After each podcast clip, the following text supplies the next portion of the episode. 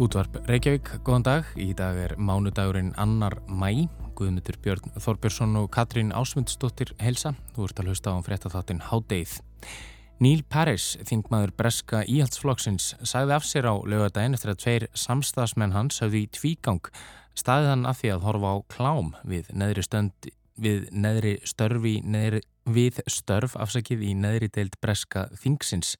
Uppalega sagðist Paris ekki ætla að segja af sér en snýrist svo hugur um helgina þegar afleðingar gjörða hans sem hann lísti sem stundar brjálaði auðvitað honum ljósar. Málið varpar ljósi á stærra vandamál kynjamisettis innan breska þingheimsins. Katrín fer betur yfir þetta mál í síðari hluta þáttarins.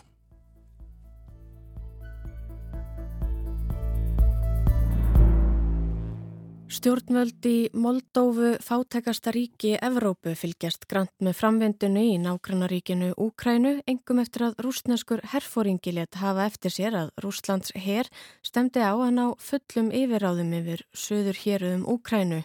Gangi það eftir hafa rúsar beinan aðgangað moldófska landamæra héræðinu Transnistríu. Héræðir hefur verið á valdi rúsneskumælandi aðskilnaðar sinna frá 1992 og er í nánu bandalagi við rúsa sem eru með á annað uh, þúsund hermanna þar nú þegar. En hver að gerast í Moldófu og hvað er Transnistria? Guðmundur Björn tekur nú vil við og fer betur yfir það allt saman. УГУР інформує, невизнане Придністров'я продовжують готувати до війни з Україною. Hér talar ónemnd talskona ukrainska hersins. Myndbandið er frá því gær og þar segir hún að í landamæra héræðinu Transnistríu í Moldófu búi stjórnvöld sig nú undir átök við Ukrænu. Hún greinir frá því að í dagblæði á svæðinu sem kom út í dag komi fram að hersveitir frá Transnistríu komi rúsneska hernum til aðstóðar innan skams. Þá segir talskonan einnig frá því að í dagblæðinu sé því haldið fram að ukrainskir hermenn hafi gert árásir á almenna borgara í transnistri um helgina. Þetta sé ekkert annað en áróður sem komi beint frá Moskvu og geti haft í förmið sér átök í Moldófu milli aðskilnaða sinna hliðhóllra rúsum og lögmætra stjórnvalda í Moldófu. Já, ég lái þér ekki að klóra þér í höfðinu, hlustandi góður. Hvað er eiginlega gangi, getur þú spurt þig, er ekki innrás russain í Úkrænu það eina sem kemst að hjá þeim félögum Putin, Peskov og Lavrov í Mosku? Er þeir virkilega að búa sindir átök eða hvað þeir myndi aðlust kalla sérstakka hernarlega aðgerð í Moldófu? Landi sem á ekki njög landamæri að Rúslandi heldur að Rúminju í vestri og Úkrænu í norðri, östri og söðri. Já, hlustandi góður, það geti nefnilega vel verið en það á Moldova eitt og annað sameinlegt með hérunum Luhansk og Donetsk í östurluta Úkrænu og það er svo staðrind að hluti landsins er undir stjórn rúsneskra aðskilnaða sinna. Þessi hluti heitir Transnistria, vestast í Moldovu hefur landamæri að Úkrænu.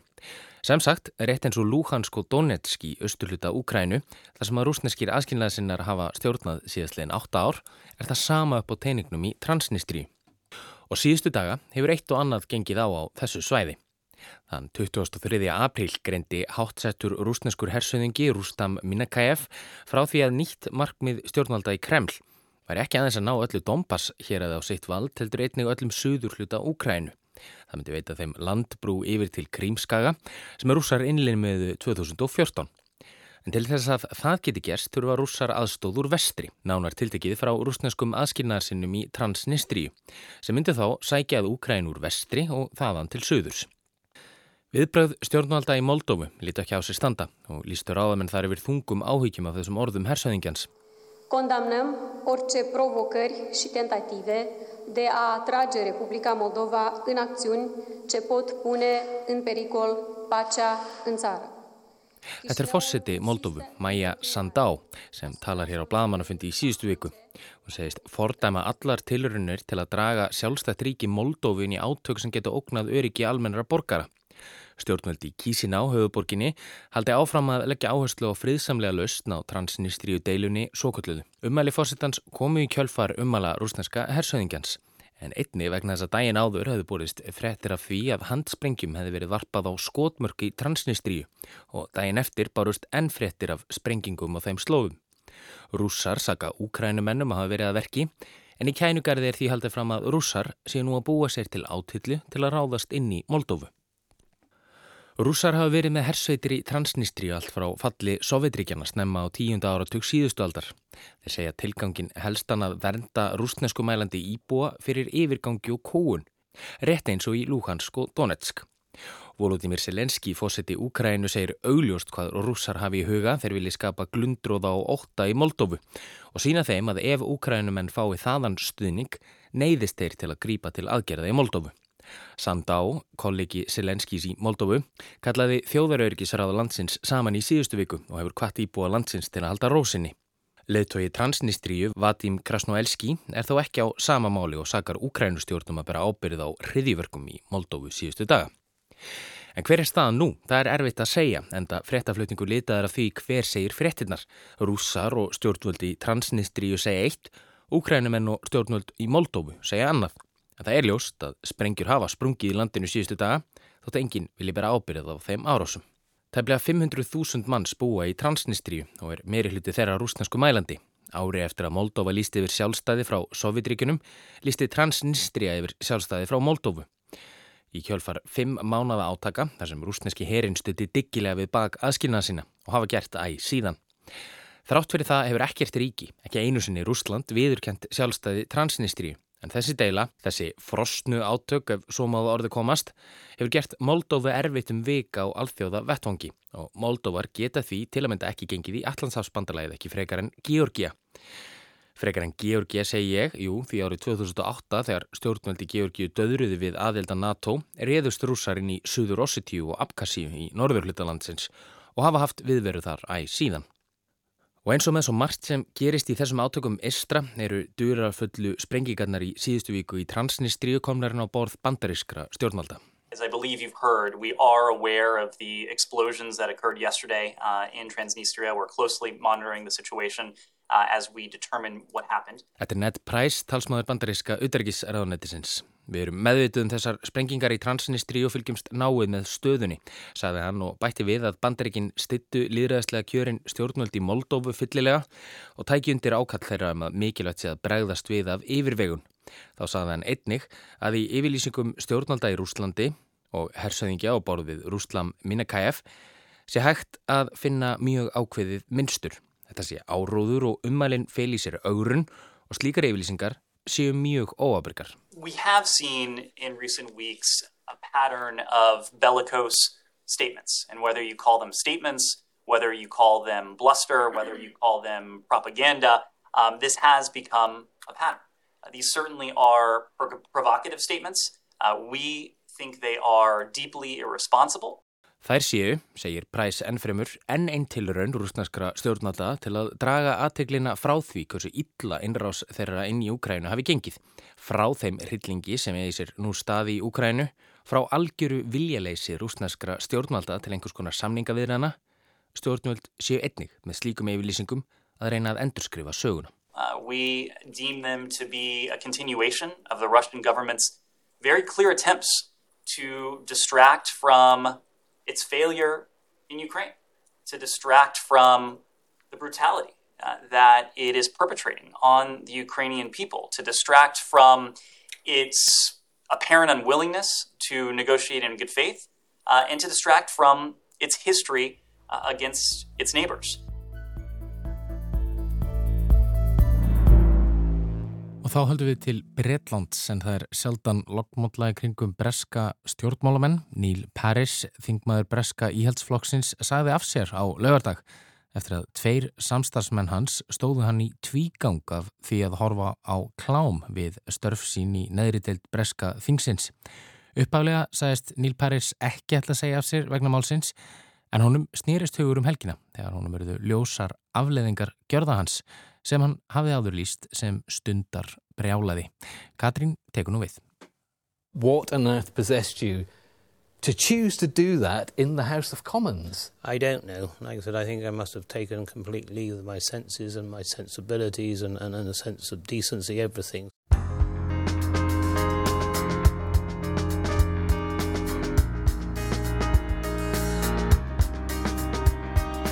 Á miðugudaginn greindi The Mirror frá því að þingmaður íhaldsflokksins í neðri deild Breska þingsins hefði orðið uppvísa því að horfa á klám í símanum sínum í þinginu þar sem hann satt umkringdur kollegum sínum.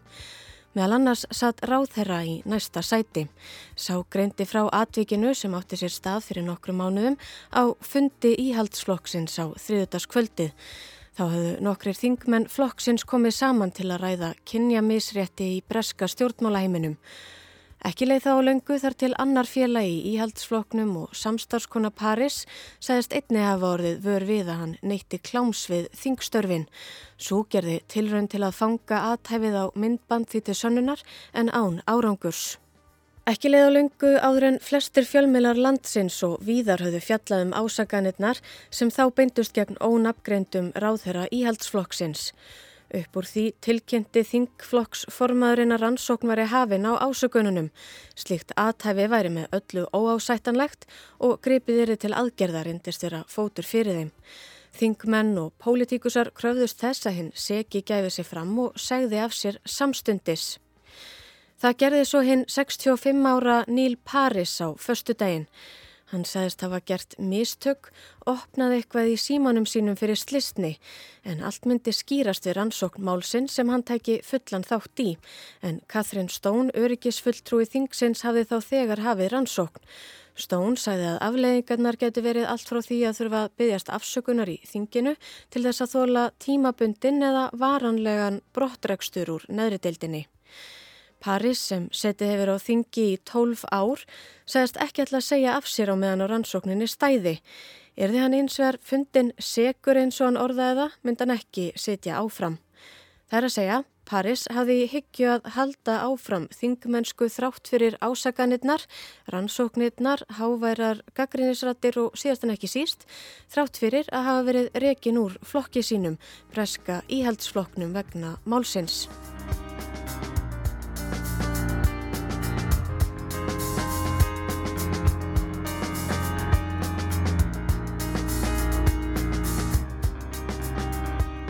En skjótt skipast veður í lofti. Aðeins degi síðar eða núna á laugadaginn hafði Paris skipt um skoðun.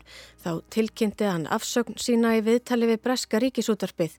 Hann sagðist að vætlað að býða með afsögnina þanga til hann gæti útskýrt máli fyrir öryggisfulltrúanum en þegar hann hafði séð hvaða áhrif gjörður hans hefðu á fjölskyldu sína og kjósendur hefðunum snúist hugur.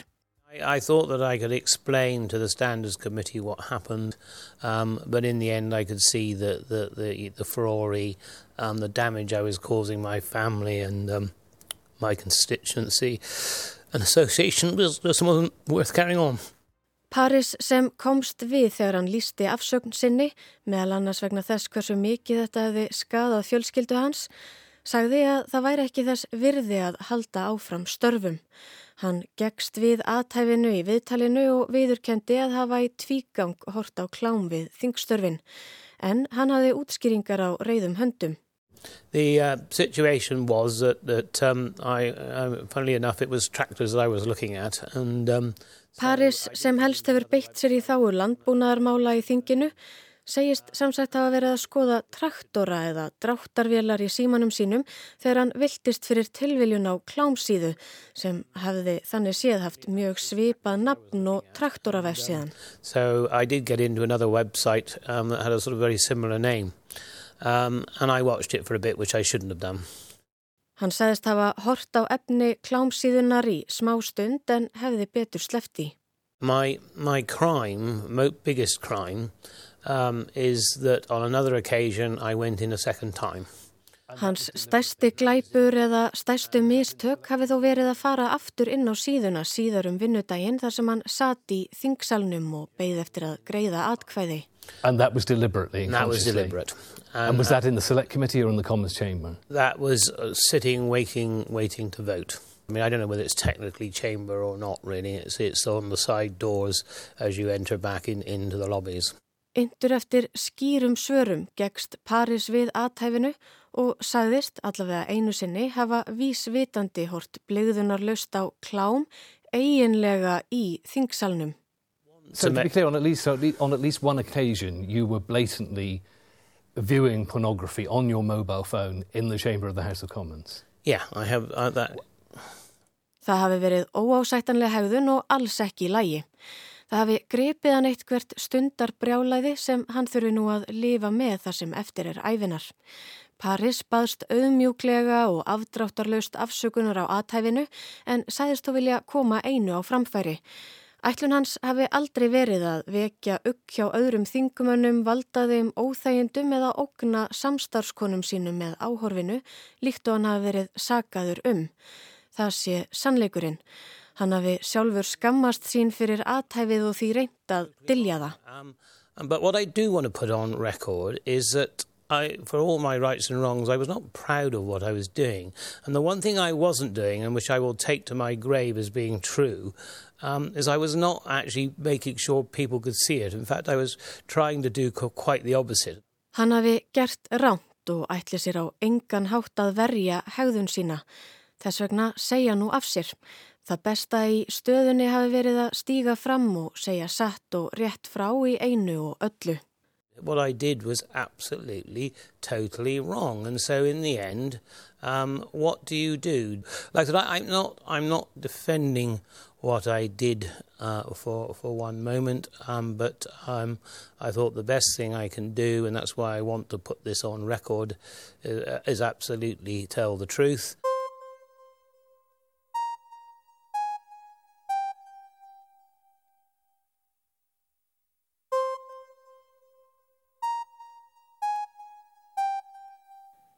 Níl Paris er hættur þingmennsku og er ekki lengur félagi í íhaldsfloknum.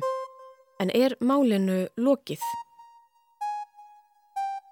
Margir vilja meina að svo sé ekki. Vandamálið sé ekki úr sögunni þótt Paris hafi verið látin axla ábyrð á gjörðum sínum. Vandamálið nái langt út fyrir hann og klám áhorf hans í þinginu. Menningin í breska stjórnmálaheiminum sé óviðunandi og karlæg. Þar þrýfist misrétti og ójöfnuður og jafnvel kynbundin áreitni. Fyrir þetta einstaka atveik voru 56 þingumenn þegar til rannsóknar vegna 70 ásakana um kynferðislegt misferðli. Það má ekki gleyma því að ásaganirnar komu fram á fundi 40 eða 50 þingkvenna íhaldsflokksins sem gaggjert voru samankomnar til að ræða misrétti innan breska stjórnmála á þingheimsins. Þar komu fram áegjur af því að heið eitraða karlæga andrumsloft sem þrifist á þinginu geti haft viðtækar afleðingar og komið í vekk fyrir stjórnmála þáttöku kvenna og það sem meira er, tólf þinkonur stígu fram og deildu reynslu sinni af misrétti, óviðegandi ummælum og áreitni af hálfu kollega sinna. Nokkrir Karlkins samstarsmenn þeirra sátu fundin á samt þingflokksformaninum en það gaf vonum að nú er þið loks eitthvað aðhafst í málunum. Öllum mætti vera ljóst að alvarleg vandamál væru til staðarinnan þingsins sem bregðast yrði við.